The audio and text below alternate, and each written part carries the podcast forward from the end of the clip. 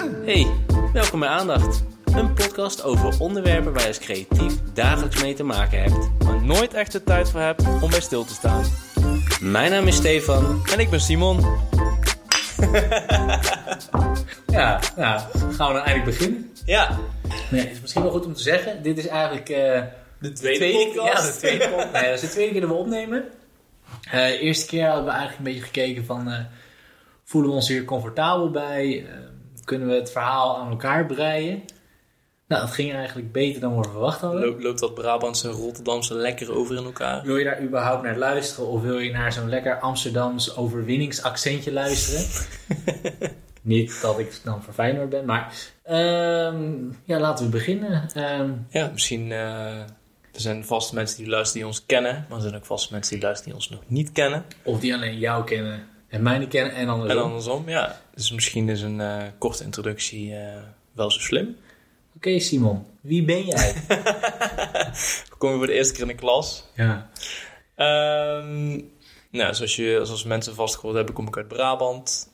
Ik ben opgegroeid in een dorpje Erp. Maar ik heb eigenlijk ehm, op verschillende plekken in Nederland gewoond. Eh, momenteel ben ik freelance UX-designer en eh, ook fotograaf. Ehm, ja, ik woon nu in Utrecht, in, in de wijk Lombok. Daar nemen we ook deze podcast op. Ehm, maar ja, ik, eh, ik hop eh, van, eh, een beetje van project naar project. Soms zit ik langere tijd bij een klant, soms iets minder lang. Ehm, ja, ik, ik volg erin vooral mijn gevoel en wat voor impact, impact ik kan maken. En ehm, ja, ik heb wat bureauervaring. Bij een aantal bureaus gewerkt, maar nu toch ervoor gekozen om onafhankelijk aan de slag te gaan. En ja, wij hebben elkaar, eh, hoe lang is het nou geleden? Twee, drie jaar geleden ontmoet? Langer volgens mij. Ja, hè? 2000 Nou. 2015 is het geweest. Al bijna vier jaar. Ja, bijna vier. Ja. Cool. Dus zo Ja. lang zitten we al te denken aan het opnemen. Nee, zo lang heeft het niet geduurd. Nee. Ehm, nou, waarom we deze podcast zijn gestart, daar gaan we zo over hebben. Ehm, wie ik ben, Stefan Kleijan. Ehm, ook werkzaam in het creatieve veld. Ehm, geboren Rotterdammer. ehm, op verschillende plaatsen, nou, net als Simon in Nederland gewoond. Voornamelijk in de Randstad. En wie tegen mij een aantal jaren geleden had gezegd van... jij gaat ooit in het oosten des lands belanden. Die had ik kaart uitgelachen. want ik had hele andere plannen. Maar uiteindelijk woon ik in het eh super mooie Oosterbeek. Eh, getrouwd, twee mooie kindjes. Eentje van twee, eentje van vier. Twee jochies. Ehm, liefhebber van voetbal en woordgrapjes. Ja, ja, ja, ja. En ik heb natuurlijk een hele mooie vrouw. Ehm, en eh, momenteel werkzaam bij een... ehm, ja, vorige keer zat ik ook wel daarover te hannissen. Ja, klopt. Wat is het nou eigenlijk? Ja, een, Ja, creatief bureau, eh, digital agency. ja, we zijn een creatief, creatief bureau. Jawel, toch? Ja, Ja. een creatief bureau. Ja. in eh, ja, de vestiging Midden-Nederland. We hebben ook nog een aantal andere vestigingen. En daar ben ik werkzaam als UX-designer. Nou, in het eh, verleden ben ik ook werkzaam geweest als art director en grafisch ontwerper. Een kopiekoning, En- strateeg. ja, van alles en nog wat. Heel breed. Dus van het eh, schrijven van kopie voor een reclame tot en met het maken van een eh, configurator. Zoals we altijd zeggen, creatieve barbapapa. Ja, ja, eh, ja, dat heb ik op mijn kerfstok. Ja. Ehm, wat ik denk wel leuk is van waarom jij waarom hebben wij of waarom heb jij, waarom heb jij de ambitie om een podcast te maken? Nou, ik weet niet of dat je het ambitie kan noemen, maar volgens mij heb ik jou eh, vorig jaar of zo een keer een appje gestuurd eh, van een podcast of iets wat daarop leek. Dat ik zei, Steve, wij kunnen toch ook gewoon over design ouwe horen? Wij hebben toch ook een visie en een mening? Ehm, ik wil niet zeggen dat we allebei super ervaren zijn. Ehm, maar ja, volgens mij zitten we allebei wel ongeveer eh 10 plus jaar in het vak. We hebben de nodige dingen meegemaakt, samen pitches gedaan, eh, klanten gewonnen, klanten ook verloren. Misschien wel, geen idee eigenlijk. Ehm, maar ja, we hebben altijd fijn samengewerkt en eh, we, hebben altijd, we kunnen elkaar altijd goed uitdagen en eh, feedback geven op ons werk. En ik dacht dat dat eigenlijk wel een hele goede ehm, ja, bruggetje was naar een podcast. Om in ieder geval ook onze visie op dingen te delen. En om zeker ook andere creatieven daar ook bij te helpen misschien wel met de ervaring en kennis die wij hebben. En jij uh, sprong daar mooi op in. Je vond het wel een goed idee volgens mij. Ja, ik vond het zeker een goed idee. Ja, ik had altijd de droom om ooit radio op de radio te komen en zelf radio te maken. Dat is bijna gelukt. Ja, dat is bijna gelukt. Ja, ik, ik wilde vroeger eh, als klein kind hadden, had ik zo'n opnamerecorder en dan zong ik zelf de liedjes met een vriendje van mij. Mm. En deden we alsof we een heel radioprogramma hadden. Maar dat is uiteindelijk. Met jingles ook, of niet? Ja, nee, niet met jingles, okay. maar we, zongen wel echt, uh, we konden echt afschuwelijk zingen. Um, en ja, toen je zei van uh, er zijn niet echt podcasts. Er zijn wel aardig wat design podcasts, maar die zijn Ja, allemaal. Ja. ik vond ze, of ik vind ze eh, ontoegankelijk. eh, Ja. Een klein beetje pretentieus misschien. Nou, pretentieus is ook zo'n heerlijk woord, maar ik vind ze gewoon heel ontoegankelijk. De drempel is redelijk hoog. Ja, en ik denk, wij waren er ook al vrij snel over eens dat het gewoon lekker Nederlands wilden houden. Eh, inderdaad, gewoon toegankelijk, gezellig, zoals ik dan zou zeggen. Ehm, maar ook denk ik ook over onderwerpen die... ehm bij elke creatief, dat je nou stratege bent, designer, maakt niet uit. Waar je eh, wel mee te maken hebt, dagelijks misschien wel. Maar waar je nooit echt de tijd voor hebt om, eh, ja, om echt goed bij stil te staan, erover na te denken. En ik denk dat je in onze podcast onderwerpen zult horen die, waarvan je denkt, "Huh, hier snap ik niks van. Maar die wel altijd raakvlak hebben met het werk wat we doen. Ja. En wat ik in ieder geval wel lastig vond in het proces toen wij begonnen is... eh, dit is allemaal nieuw voor mij, voor jou ook. Want we hebben nog nooit een podcast opgenomen. We luisteren wel naar podcasts, maar dat is wat anders. Ehm, ja, hoe dat proces ook voor ons is geweest. En hoeveel... eh, tijd erin gaat zitten ook. ja, en, en voorbereiding, maar ook... Je bent in één keer zo kwetsbaar of zo. Je doet het eigenlijk voor de eerste keer. Je staat eigenlijk voor een heel groot zwembad en je wil erin springen, maar je hebt eigenlijk nog geen diploma. Ja, hoe leer je dan om te zwemmen? En we hebben heel veel ervaring met het, het maken van digitale ervaringen, websites, apps, noem maar op. Maar we hebben nog nooit een podcast gemaakt. Ja, een auditieve ervaring. Ja, precies, ja. Ja, ik, nee, eens. Lastig. Ehm, het is inderdaad kwetsbaar opstellen. Het- Ja, je bent heel enthousiast geweest met het opzetten van een- onze hele social media account.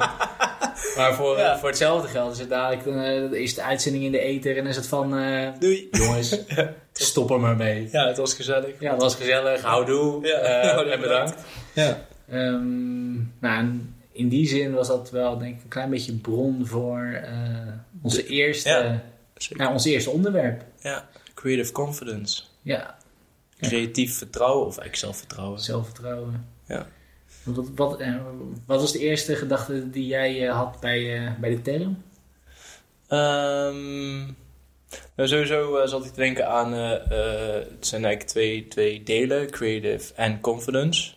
Enerzijds, wat is creativiteit en wat betekent dat voor mij? En hoe kan ik me creatief gezien goed uiten? Eh, en natuurlijk dan als bruggetje daar doen naar het woordje confidence. Ehm, in hoeverre staat dat eh, in verbinding met je vertrouwen en zelfvertrouwen? En in hoeverre krijg je vertrouwen van andere mensen? Maar, maar ook wat is er nodig om mijn creativiteit volledig eh, te kunnen ontplooien en tentoon te spreiden. En ik kom denk ik ook dagelijks in situaties waarbij ik me niet helemaal relaxed voel bij dingen die ik maak en bedenk en doe. Maar soms juist wel heel erg. Ja, ja ik, meestal bij zulke, ik herken die situaties ook wel. Dat je denkt van, oh, volgens mij, je bent er niet comfortabel bij omdat je het misschien ook niet eerder hebt meegemaakt. Of dat het eigenlijk een hele ja, aparte Mhm. situatie is, of heel onvoorspelbaar. Ehm, Terwijl wij toch, we hebben toch redelijk wat meegemaakt, zeg maar. Ja, je Aan hebt pitches, projecten, noem maar op. nou, ik denk dat de ervaring geeft je denk ik de tools om eh, daarop te anticiperen. Dat je niet eh, volledig in de stress schiet en het gebouw uitrent. Maar dat je nadenkt van oké, dit dat je de situatie ook beter kunt inschatten. Ja. Ehm, dat, ja, misschien ligt dat ook in mijn aard hoor. Dat ik op een bepaalde situatie misschien wat rustiger blijf. Maar ik ken genoeg situaties, ook vooral in het begin toen ik nog een ja, echt junior, dat ik echt Ja. één, twee jaar aan het werk was. Net van school. Ja, dat er dan iets gebeurde. Eh, ik weet nog wel, een van de eerste fuck-ups die ik had gemaakt, dat was dat ik een eh, visitekaartje had gemaakt. En ik had hem helemaal super mooi met vouwen. En, eh, alleen ik had het hele bestandje verkeerd opgebouwd. Dus dat bestandje was naar de drukker gegaan. en toen kregen we het terug. En toen het eerste wat ik dacht was, oké, waarom heb je niet eerder gemeld? Of, maar dat was voor mij een van de eerste dingen dat ik dacht, oh, Ja. kak, dat is niet zo handig. Dus heb ik nog wel eens een keer, paar keer wat gedaan waarvan ik dacht van oké. Maar ik denk dat al die fuck-ups nodig waren om tot toch een soort van ja, En uiteindelijk had ik wel zoiets van, shit, durf ik nou nog wel iets op te sturen naar de drukker? Dus dan Mm. ging ik extra controleren of ik het goed had gedaan. Ja, in die zin heeft je een soort van creatief vertrouwen wel een soort van deuk opgelopen. Maar uiteindelijk eh, ben je, word je zo ervaren dat je al die deuken bent overkomen en dat je een soort van zelfverzekerd bent in wat je doet. Ja, of misschien nog wat dichterbij. Van ik had toen die, die, die, ja, die fout gemaakt. En eh, die fout die kwam natuurlijk ook bij de creative director terecht. In dit Mhm. geval ook dan eh, de eigenaar van het, eh, van het bedrijf. Ik weet toevallig ook dat hij luisteraar is. Dus ik denk dat hij dit, dit moment nog herkent. Ehm, maar ik voelde me ook schuldig naar hem toe. Dat ik dacht, ja, je- jij wil dat ik goed werk lever naar de klant toe. Kreeg verantwoordelijkheid. Je geeft mij verantwoordelijkheid, want eigenlijk had de projectmanager dit kunnen oppakken, maar je hebt in mij de vrijheid gegeven En het om- vertrouwen. en het vertrouwen. Ik was, ik was, Ja. ik was toen acht, ja, ik was, ik was, ik was 18. Hm. En dat hij zei van ja, doe het maar. En dat, dat ik er dan uiteindelijk ja, een foutje maak. Foutje moet kunnen toch? Maar het, voelde, het voelde niet heel fijn. En ook in de stappen daarna werd ik, merkte ik wel dat het mijn eh, proces iets van belemmerde. Dat ik een klein beetje panisch werd. En dat hij op een gegeven moment ook zei van joh, maak het maar. En leer gewoon hoe je het Ja. moet controleren. Was je, was je dan heel bang om fouten te maken? Of hoe ben je met de situatie omgegaan? Want je hebt dus die fuck-up gedaan. Hoe ben je, dat, hoe ben je daarmee omgegaan daarna? Ehm, ja, ik wist dat het vooral lag in, eh, ik denk een klein beetje het probleem herkennen. Of er- herkennen. Hoe kan, ik zeg maar dat, hoe kan ik ervoor zorgen dat ik niet meer die fout maak dat het verkeerd uit de printer rolt? Nou, dat begint bij het checken gewoon van je documenten. Van is dit, nou, je zet het al, hij noemt het altijd, is je werktekening goed genoeg? Is die kwalitatief? Klopt die? Krijg je Ja. geen fouten? Zitten er geen rare kleuren in? Of rare foutlijntjes? Of Ik ga een lijstje afwerken. ja, wees bewust van wat je oplevert. En daar was ik in het begin onzeker over. Van dat- dat ik dacht van ja, is mijn werk eh, eh, wel op niveau dat het door de drukker gedrukt kan worden? En ik dacht van nou, de drukker wordt er ook helemaal panisch van. Maar daar leerde ik wel op een gegeven moment een modus in vinden. Dat eh, de drukker op een gegeven moment ook zei van joh, kom anders een keer even langs. Dan gaan we samen door je werktekening heen. Toen dacht ik, toen dacht ik, oh, daar ligt dus de Ja. oplossing. En daardoor, eh, dat gaf mij rust. Dus ik denk Ja. dat zelfvertrouwen komt ook door dat je jezelf eh, rust gunt. Zelf rust weet te creëren. Want Ja. nou, ik denk dat bij iedere creatief, die, kan altijd zeg maar nog wel zijn eerste major fuck-up herinneren. Ja, Wat was die voor jou? Oh, dat is een goede vraag. Eh, Ik zei, iedere creatief kan het herinneren en jij moet erover nadenken. ja, nee, ja. Vent ben jij. Ehm, dat weet ik niet, man. Ik, eh, ik denk dat ik volgens mij... eh, eh, ik weet niet of het echt een creatieve fuck-up was, maar eh het heeft ook gewoon vooral met werkethiek te maken dat ik inderdaad gewoon een bestand eh, kwijt was of niet had opgeslagen waar ik gewoon een halve dag aan had gewerkt. Gewoon dat soort dingen. Gewoon echt de, de, de basic basics. Ja. Maar gewoon, als je wegloopt, appeltje S, Ja, is er niks aan de hand. ja precies, ja.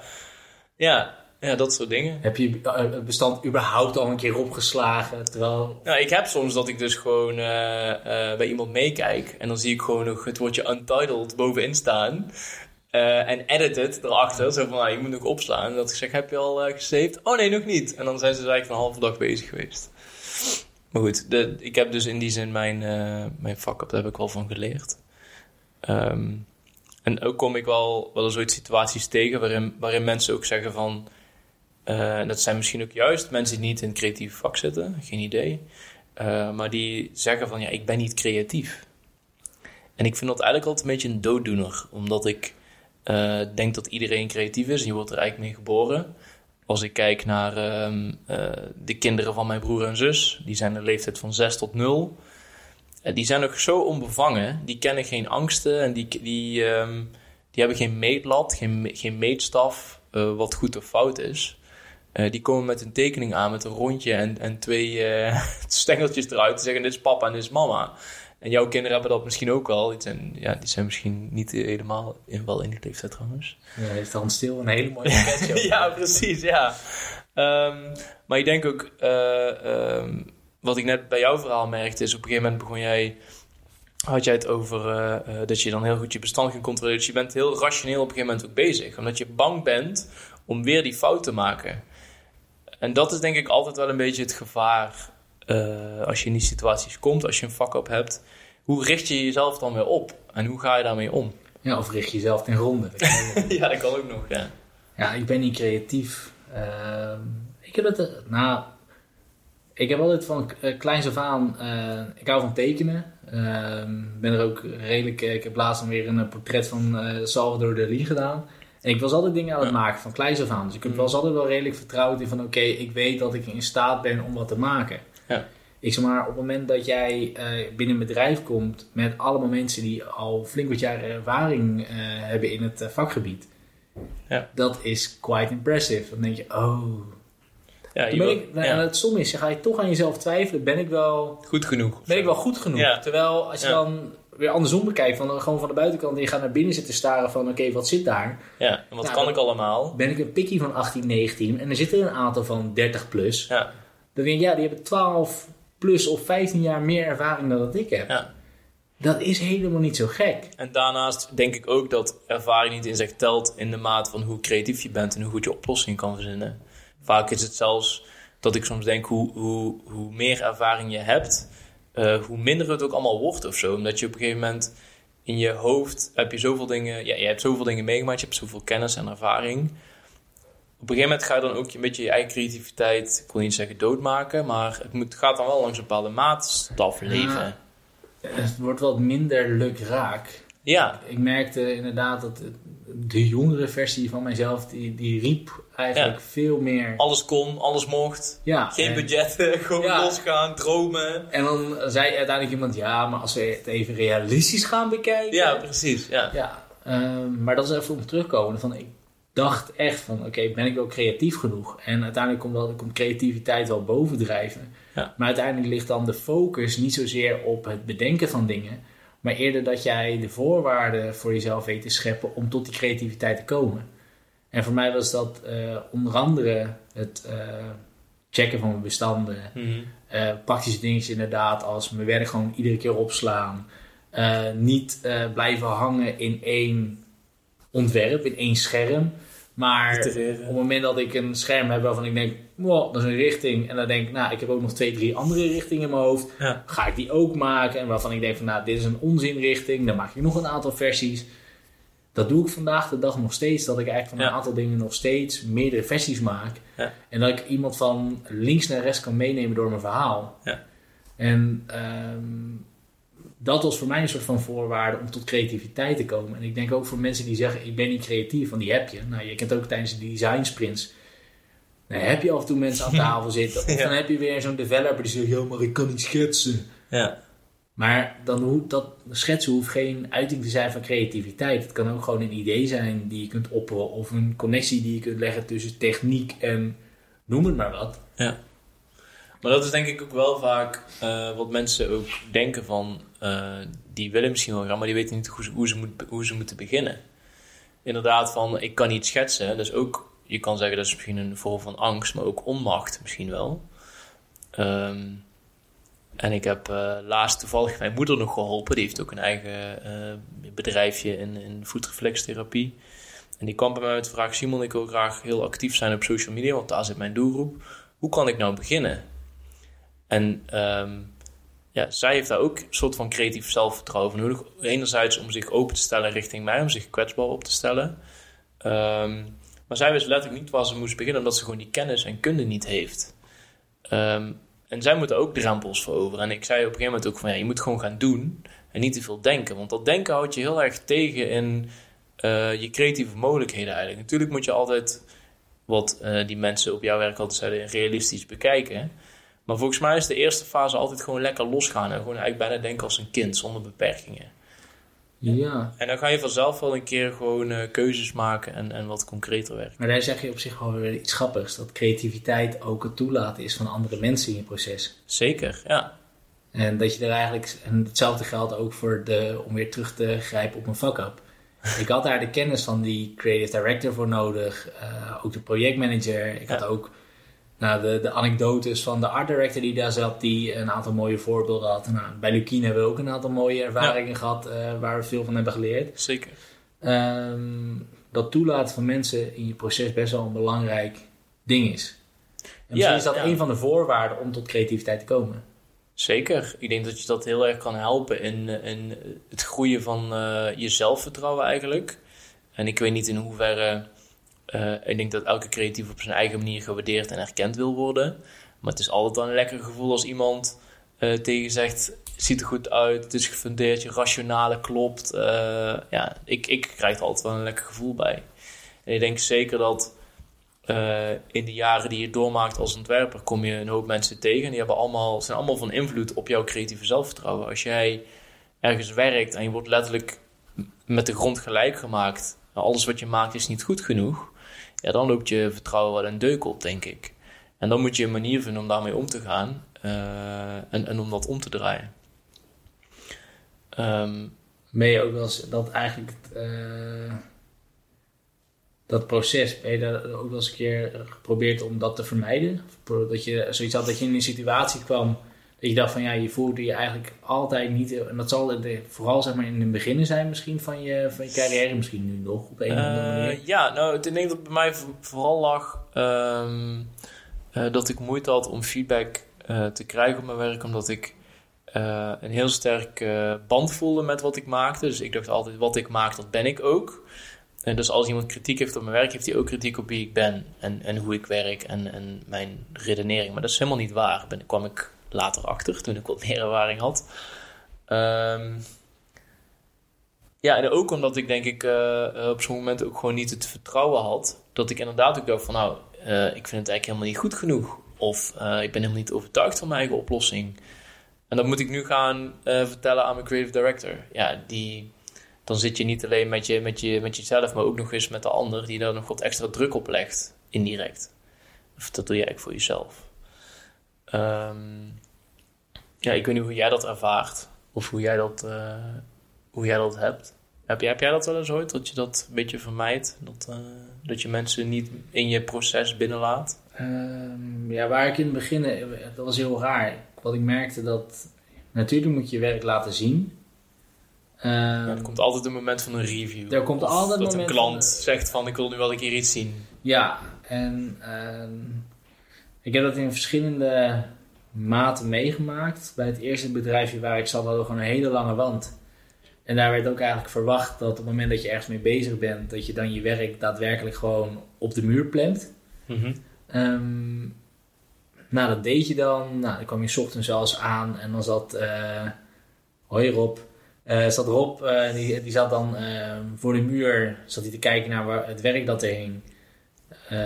het werk eigenlijk te beoordelen, in zich op te nemen. Af en toe ook gewoon in je gezicht te zeggen op zijn Rotterdams. het is er nog lang niet, hè, vriend. Waarvan je zelf ook wel bewust was. het ging ook dan maar waar ik dan wel, ik, ik zat wel altijd dat ik dacht van shit, dat moment van die review komt eraan. Dan had ik al, al de kriebels in mijn buik. En toen dacht ik eigenlijk van oké, ik vind dat moment om naar dat, naar dat moment toe te leven, dat je weet dat je over drie dagen een review hebt met je meerdere. Ik vind meerdere ook trouwens heel hiërarchisch klinken, daar krijg ik altijd jeuk van. Maar dat je een gesprek met hem gaat hebben over je werk. Dat ik dacht van ja, ik moet hem eigenlijk niet te later bij betrekken. Ik moet hem veel eerder in mijn mm. denkproces. Ik moet hem veel meer in mijn stapjes laten zien. Maar dat is denk ik ook een klein beetje afhankelijk van het soort creative director of soort van team waar je binnen werkt. Het heeft ook een beetje met je ervaring te maken, omdat je misschien in het begin weinig ervaring hebt vooral met je eigen proces bezig bent en ook nog niet de ruimte voelt in je hoofd om daar überhaupt mensen al naar, naar te laten kijken. Ja, dus laat ik zo stellen. In het begin had ik eigenlijk, als er een review moment was, had ik eigenlijk altijd zin om uh, kaart weg te rennen. Mm ja, en ik was er ook wel bewust van dat ik, ik kan er niet van wegrennen, omdat ik weet dat een review is gewoon onderdeel van ja, de professie waar ik uh, gewoon knettergoed in wil worden. Ja.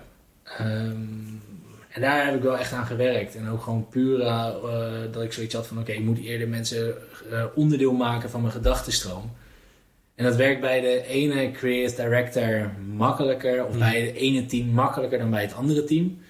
Um, en ik denk dat daar ook een onderdeel... Er, uh, waar bij mij altijd een punt was... en waar, ook, waar ik in gegroeid ben als persoon... is in het begin liet ik eigenlijk altijd gewoon... kijk, dit is wat ik gemaakt heb. Take it or leave it.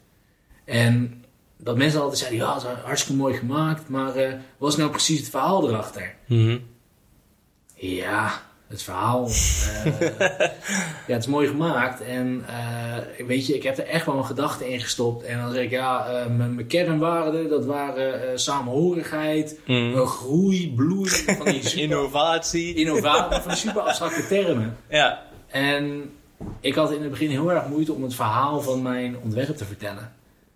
En zo kom je met een aantal creatieve of een aantal mensen in je eh, ja, eh, jaren en van ervaring mee in aanraking waarvan je denkt van ja, daar kan ik gewoon veel van leren. Hoe kan ik nou het verhaal van mijn design vertellen? Maar daar was ik in het begin helemaal niet comfortabel mee. Dus op het moment dat ik zo'n review moest doen, sloeg ik gewoon dicht. Dan kwam er piep, Ja. pa, poep, poep, poep, poep, pa uit. ja. Ehm, Terwijl het je wel heel erg kan helpen om eh, niet alleen zelfverzekerd over te komen, maar ook voor jezelf om, om op die manier vertrouwen voor jezelf op te wekken. Want als jij aan de hand van eh, die, die talking points, als het gaat om doel, doelgroep, ehm, het probleem, het inzicht wat je hebt en de oplossing, als je dat allemaal als haakjes gebruikt, dan kun je het verhaal eigenlijk heel makkelijk vertellen. En zul je nooit, of nooit, misschien eh, eh, soms, maar niet altijd, in verwarring raken als iemand een vraag stelt. Omdat je die talking points hebt en omdat je goed je werk hebt gedaan. Ja, talking points. De vraag is ook van eh, mijn, de manier waarop ik mijn talking points opbouw. Die kan heel anders zijn van hoe jij het misschien opbouwt. Ja. Ik gebruik bijvoorbeeld vaak mijn designs. Dan ben ik super pragmatisch door heel iteratief alles te doen en overal annotaties bij te zetten. Ja, Dat ik weet, oh, toen ik hier was, toen dacht ik van hé, hey, ehm, ik heb twee eh, richtingen die ik kan verkennen. En zo werk ik meestal bijna een soort van hele storyline uit van hoe ik tot een bepaald design kom. En dat, dus je neemt mensen mee in je, in je gedachtegang eigenlijk. ja, niet alleen mensen, maar ook, eh ja, het klinkt misschien heel raar, mezelf. Ja, Dat ik denk, Ja. oh, zo Ja. maak ik keuzes. Of hé, hey, dat is eigenlijk een hele rare keuze die ik daar maak. En dat je daar meer bewust van wordt, dat helpt je ook veel beter om het verhaal soms ook te improviseren. Omdat je weet van hoe bepaalde keuzeprocessen in je hoofd gaan. Nou, ik denk als, als je je verhaal goed kunt vertellen, dat geeft niet alleen de mensen aan wie het vertelt ehm, een fijn gevoel of inzicht, maar het geeft jezelf ook meer vertrouwen als je ziet dat het, dat het aanslaat, dat mensen het snappen. Want als er alleen maar een discussie komt dat mensen het niet begrijpen of de conte- context niet, eh, niet snappen, dan gaat dat ook een beetje ten koste van je zelfvertrouwen. Want het is wel je eigen werk wat je presenteert. Ja, en dan als we het dan toch over verhalenvertellers hebben. Nou, Waarom begin je te lachen? Eén blik is genoeg. Ja, We weten meteen wie. Ja, ja, zo zullen er nog wel waarschijnlijk een aantal eh oude collega's en mensen die we kennen zeg maar, voorbij komen. Omdat nou, sommige daarvan zijn echt prachtfiguren. Dat zijn bijna... Toch lijkt het me mooi om die mensen ook gewoon een keer uit te nodigen voor, voor een gast. Ik denk, dat we een keer, ik denk sowieso dat, ik denk dat deze zich eh, ook wel geroepen voelt om een keer eh, Zeker, aan te schuiven. Die praat graag. hè? Ja, die, ja, die praat heel graag. Eh, Maar over wie hebben we het dan? Want iedereen denkt nu... Ja, ons voormalige creative director bij, Ja. bij Lukien. Ehm, maar wat hij als geen ander kon, was het verhaal vertellen. Ja. En eigenlijk soms... En niet zoals wij dat doen, zoals wij net hebben gezegd. Met doel, doel, whatever. Maar echt gewoon Gewoon een hele anekdotes. super anekdote. Hij weet mensen echt bij de strot te grijpen met gewoon mooie verhalen. Soort van, soms, ik zie dat altijd een beetje als kampvuurverhalen. Dat je gewoon onder de sterrenhemel bij een kampvuur zit met marshmallows. En dat één iemand dan altijd een beetje ja, de, het, het verhaal vertelt. En dat je gewoon letterlijk denkt van oké, what what's next? Gewoon een puntje van je Ja, stoel. en ik, ik denk misschien ook nog een klein beetje... Enerzijds, je kunt, zoals hij, eh, een, een echt praktisch een optreden geven. Alsof je naar Mhm. een of ander... eh, Circus clown? dat ze jou worden. Nee, maar eh, dat gaat is die, was hij wel een, een presentator rockster, zoals die daar kon staan. Met zijn, wat had die, doodsko- doodskop op zijn schoenen. En, Ja, ja, dan zei hij dat hij is een, ik vond dat een klein beetje rockster. Maar wat ik ook vind mooi als mensen het kunnen schrijven. En daar hadden we ook een collega, die was ook gewoon in kopie heel goed. Dat je echt dacht van, oké, ik kan mijn werk op een standaard manier presenteren. Heel functioneel, heel eigenlijk soms Ja. bijna buiten de context. Ja. Of ik kies ervoor om mijn oplossing binnen een hele mooie context te En een vertellen. herkenbare En context ook. herkenbaar, waar mensen zoiets hebben van, hé, hey, ja. Ja, dat is volledig herkenbaar. Ja. En Maar toch denk ik, en ik heb er altijd best wel met heel veel bewondering naar gekeken, hoe hij dat deed, ehm, eh, vond ik heel knap, had ik veel bewondering voor. En als je het dan relateert aan creative confidence, hoeveel zelfvertrouwen je er ook voor moet hebben om dat te kunnen. En er zijn genoeg momenten geweest dat het eh 10 voor 12 was en dat de presentatie niet af was, of dat er dingen misten de presentatie, dingen niet af waren. Maar toch flikte hij het elke keer. Omdat hij, denk ik, ook heel veel vertrouwen in de manier eh, waarop hij dat deed. En hij had zoveel nou, successen daarmee behaald. Ja, maar... Nee, je kent ook de momenten 10 voor 12 en het verhaal wat er lag was niet compleet, was Ja. niet dekkend. Ja, Dan kon die ook wel redelijk uit zijn slof schieten. ja. Sorry. Maar Nee, dat, Oh, nee het was- maar dat zou jij en ik ook doen. Want eh, Ja. hij voelt zich dan waarschijnlijk niet creatief eh, goed genoeg. Of ieder geval, hij krijgt niet de tools aangereikt van ons als team om zijn verhaal te kunnen doen. Dus ook als je denk ik ook naar jezelf kijkt als creatief, eh, is het misschien goed om altijd te nadenken van wat heb ik nodig om mijn verhaal goed te kunnen vertellen? Waar voel ik me senang bij? Eh, ehm, en en hoe, ja, hoe, waar voel ik me echt goed bij? En, Ja. en stevig in mijn schoenen. ja, dus het is ook gewoon goed van om bewust te zijn van hoe jij je verhaal kunt opbouwen. En Ja. ehm, hoe kom je tot jouw talking points? Ehm, Kop en de staart, closure, dat soort dingen. Ja, nee, maar dat, dat, dat waren een van de dingen, of wel- waren voor mij een soort van eye-openers, dat ik dacht van ik moet gewoon veel meer verhaal toelaten Mhm. eh, als ik mijn werk ga vertellen. Omdat ik weet dat mensen dan veel meer oren hebben naar datgene wat zij aan moeten horen. Heb je wel eens ooit meegemaakt dat, eh, dat je helemaal overtuigd was van jouw, jouw idee of een concept wat je had bedacht en eh, je voelde je goed en je had er zin in en je wilde het heel graag door. Je was heel enthousiast. Ik als een klein kind die een tekening laat zien van kijk, kijk, kijk. En dat er iemand toen was, wie dat dan ook mogen zijn, een collega of een, een creative director of wie dan ook, eh, die gewoon eh, ehm, dat totaal anders zag. Die gewoon in die zin zo dominant was dat hij jou niet zeg maar, de creatieve ruimte gaf om jouw verhaal te doen. Of, of zo'n inbreuk maakte op jouw creative confidence. Dat je helemaal dichtklapte of ik weet niet wat er toen gebeurde. Maar heb je dat wel eens ooit meegemaakt? Ehm, oh, zat. Eh, ah, het, ligt, het ligt ook misschien een klein beetje in mijn aard. Ehm, ik doe altijd, daar heb ik ook aan moeten werken. Het, is echt, het wordt bijna, bijna een, eh, als ik bij de psycholoog op de bank lig. Sorry.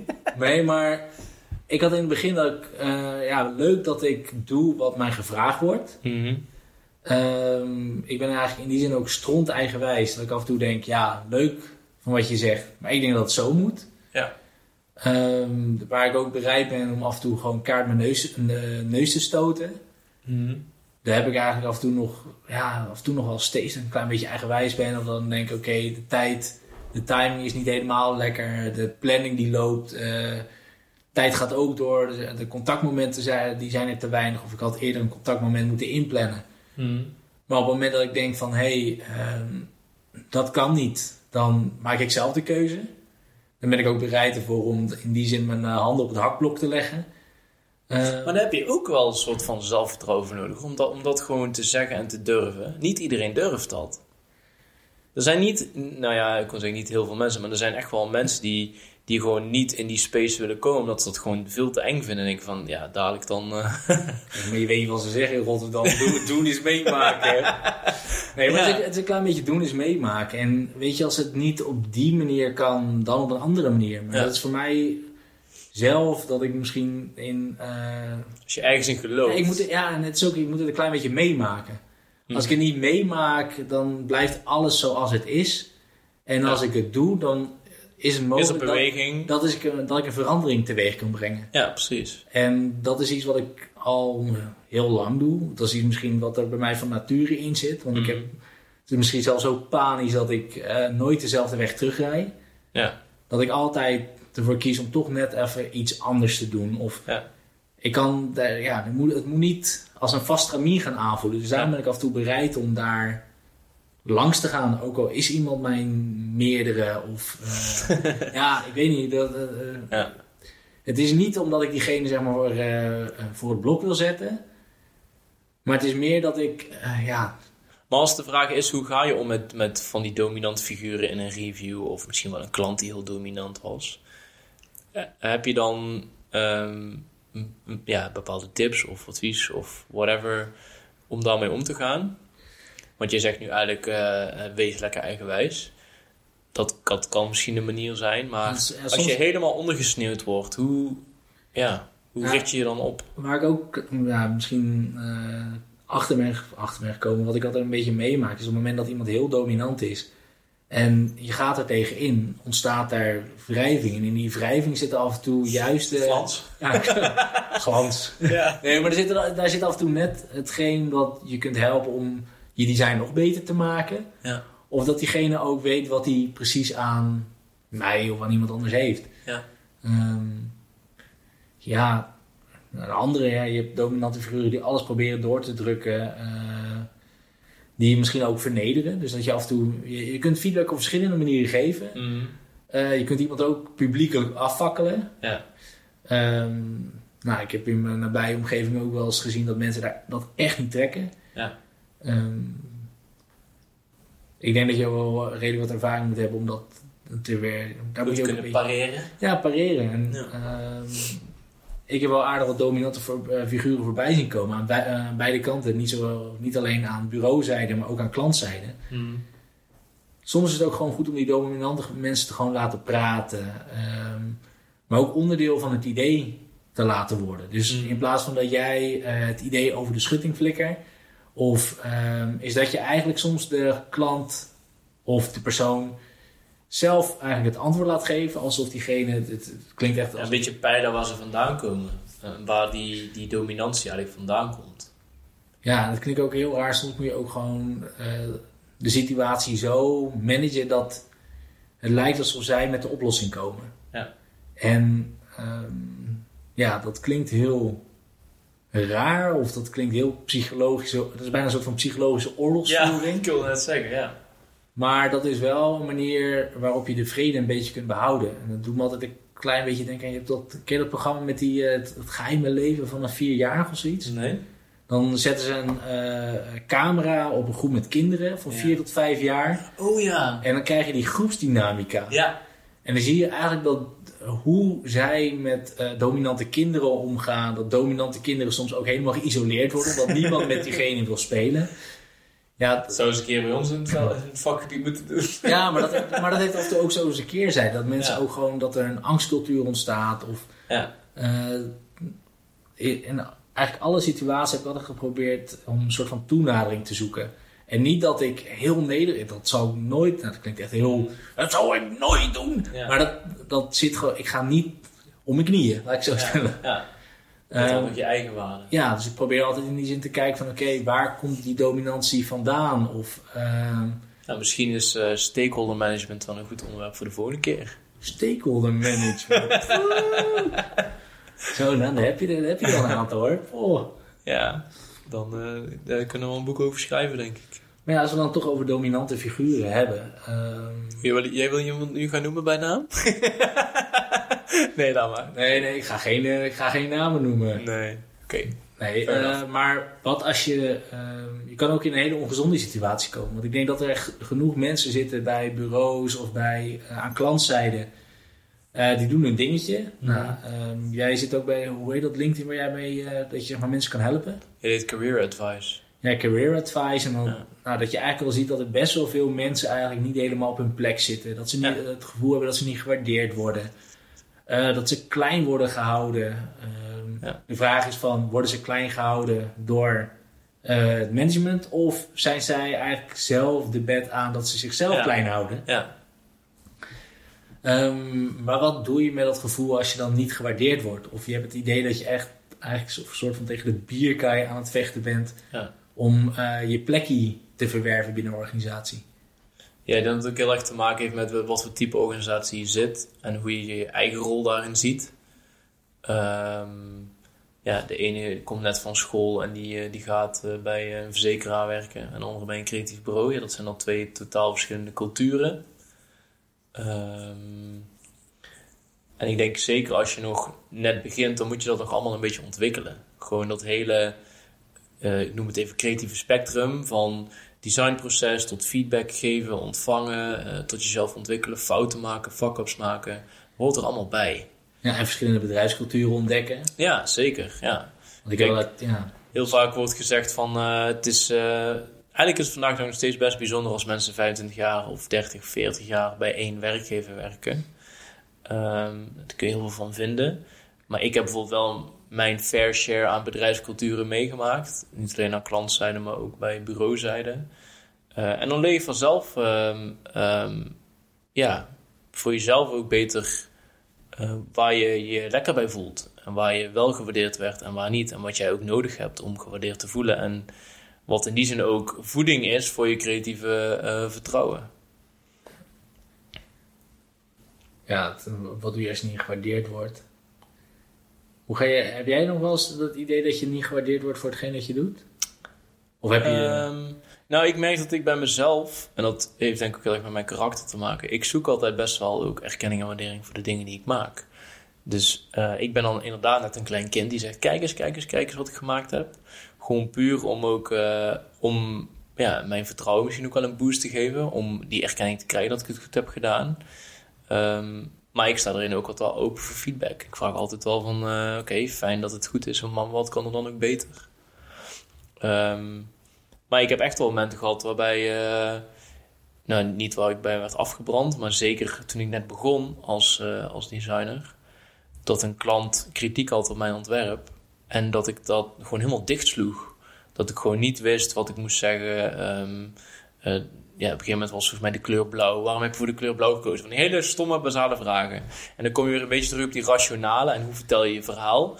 Ik, ik wist dat gewoon niet. Daar heb ik jou gelijk. Het is een bruggetje. Nou, dat was precies, ik heb precies hetzelfde. Ik heb echt letterlijk, nou, dat denk ik, dat was vorig jaar. Ja. Dat was inderdaad de vraag.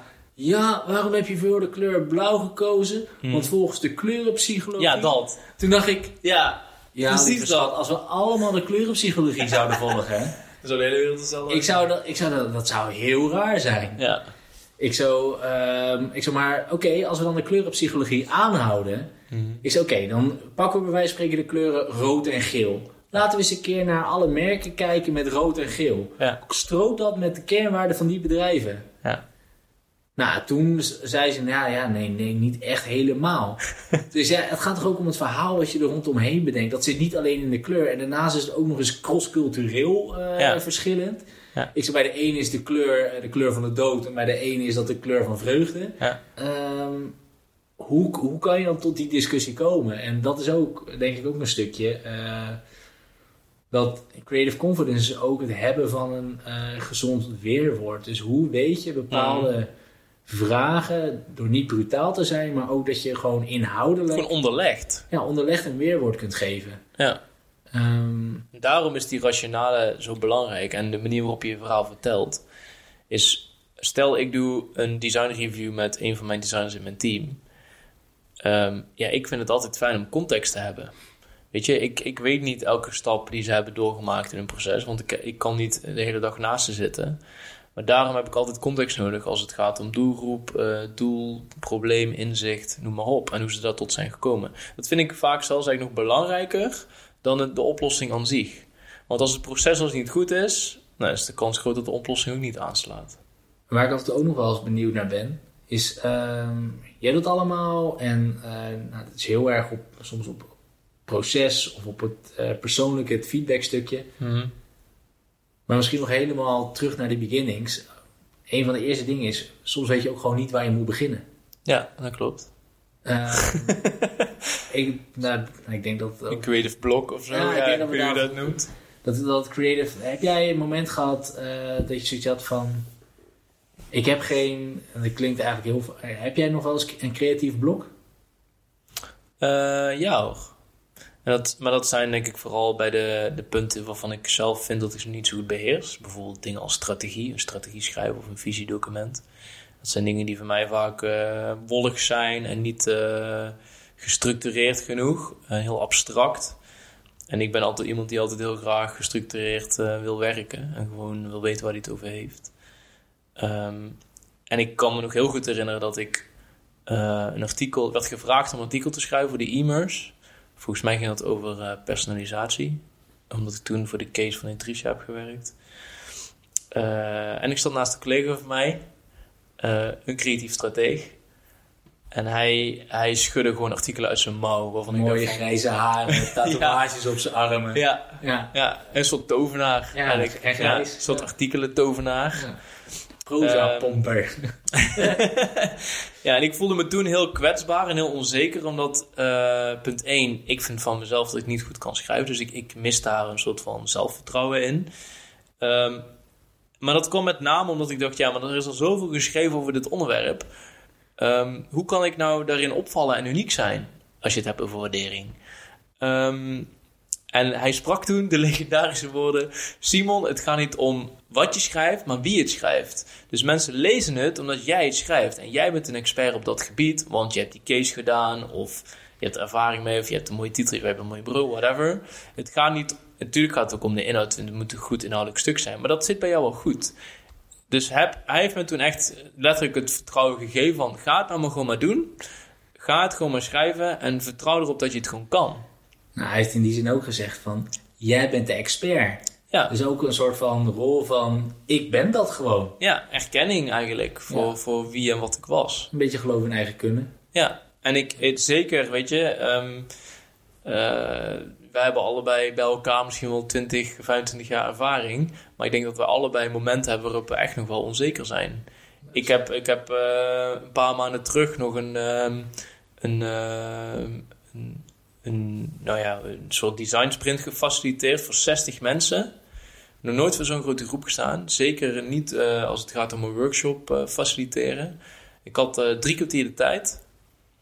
Ja, ik heb al even dat ik in de spiegel gekeken heb van, kan ik dit wel? En, en gaat me dit wel lukken? En dus dan zoek ik heel erg ook de waardering bij anderen van, ja, is alles geregeld, gaat alles goed? En ben ik echt aan het vissen naar complimentjes bijna. Om maar mijn zelfvertrouwen omhoog te boosten. En vervolgens sta ik daar en neel ik gewoon die, die workshop gewoon keihard.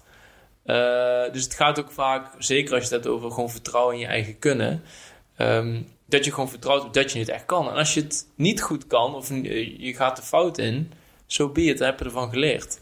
Maar wat ik in zulke situaties had, is dat, soms, dat ik ook wel eens denk van, dat mensen denken, "Li- liever hij dan ik. Ja, ja zeker. En dat ik denk, oké, ja, weet je, en ook de wetenschap dat ik misschien comfortabeler daar sta dan iemand anders. Mhm. En dat geeft mij wel weer nog meer boost, dat ik denk van, ik ga gewoon praten. Ja, Ik ga gewoon mijn ding doen. ja.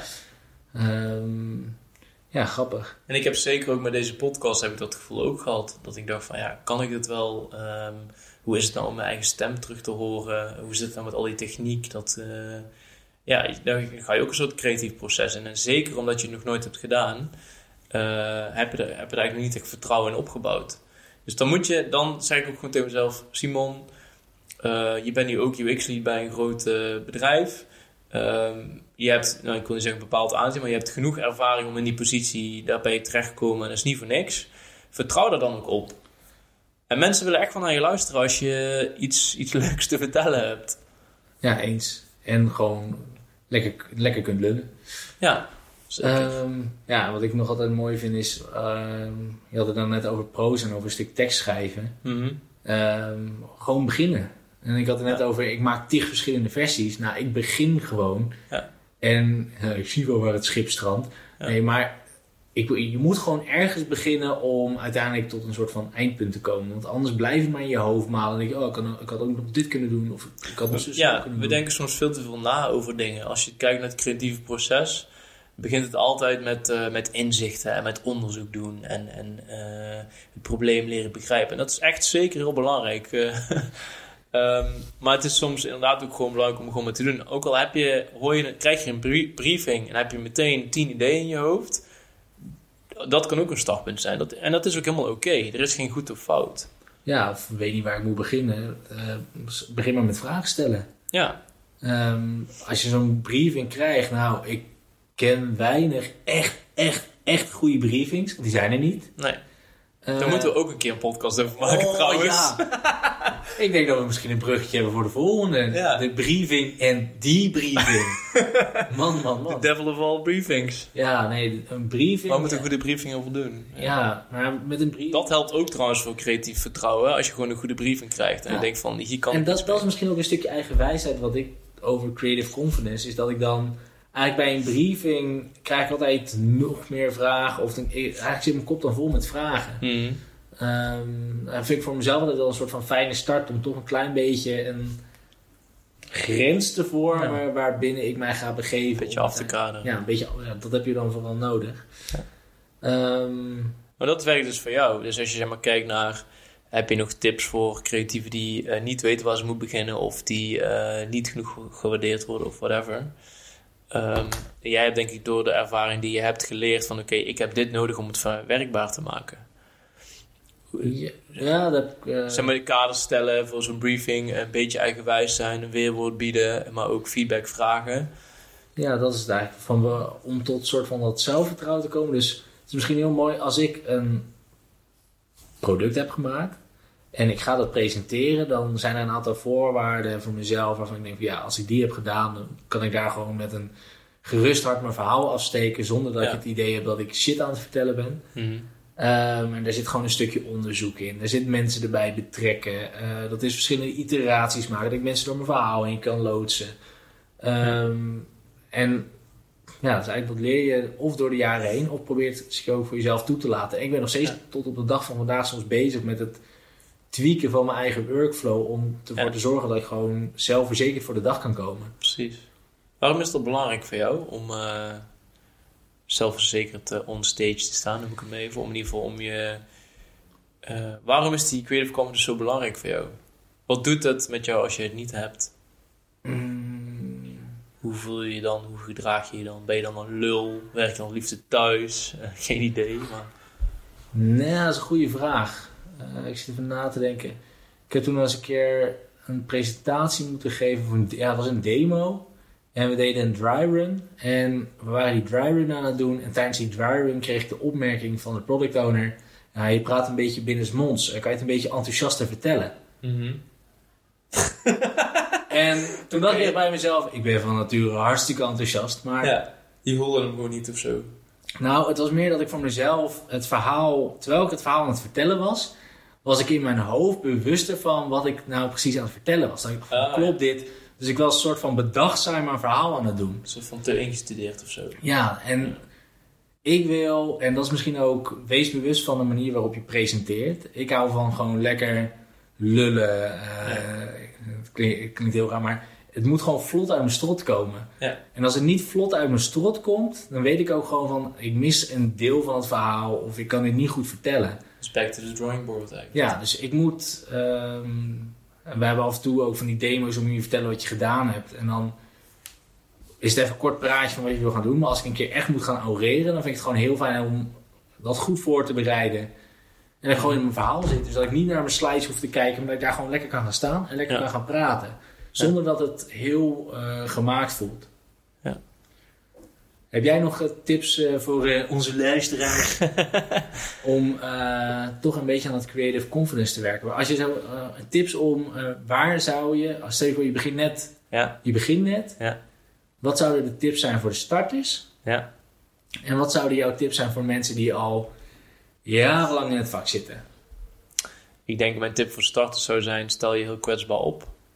Eh, laat je ook niet uit het veld staan als je meteen kritiek krijgt. Maar ehm, zoek altijd naar manieren om jezelf te verbeteren. En daar heb je openheid en kwetsbaarheid voor nodig.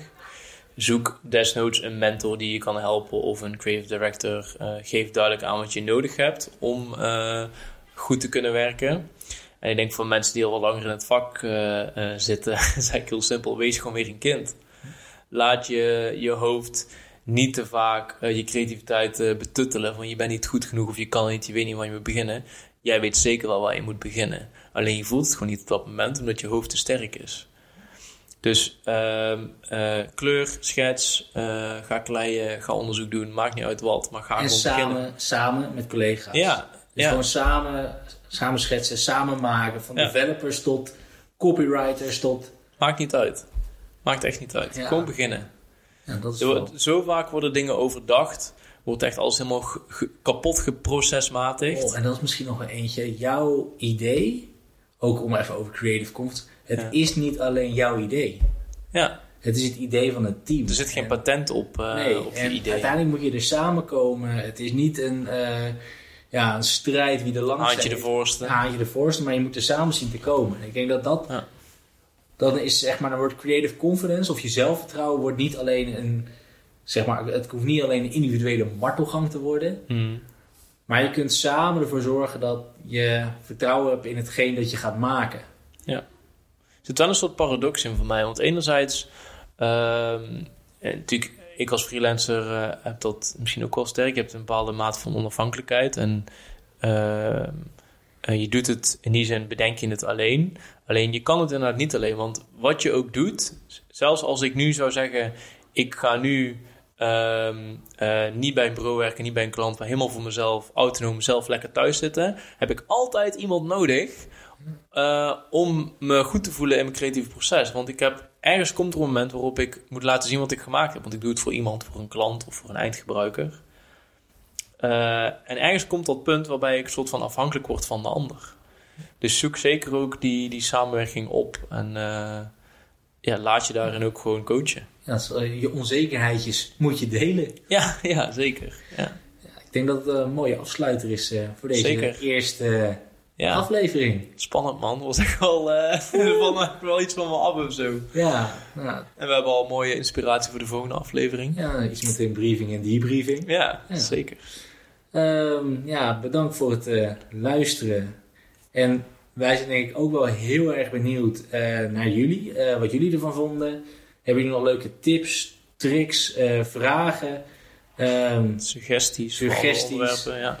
Ehm, zijn we te vinden op de socia- social media. Ja. Eh, stuur een DM berichtje, een bericht. Slide in de DM. slide, slide in DM.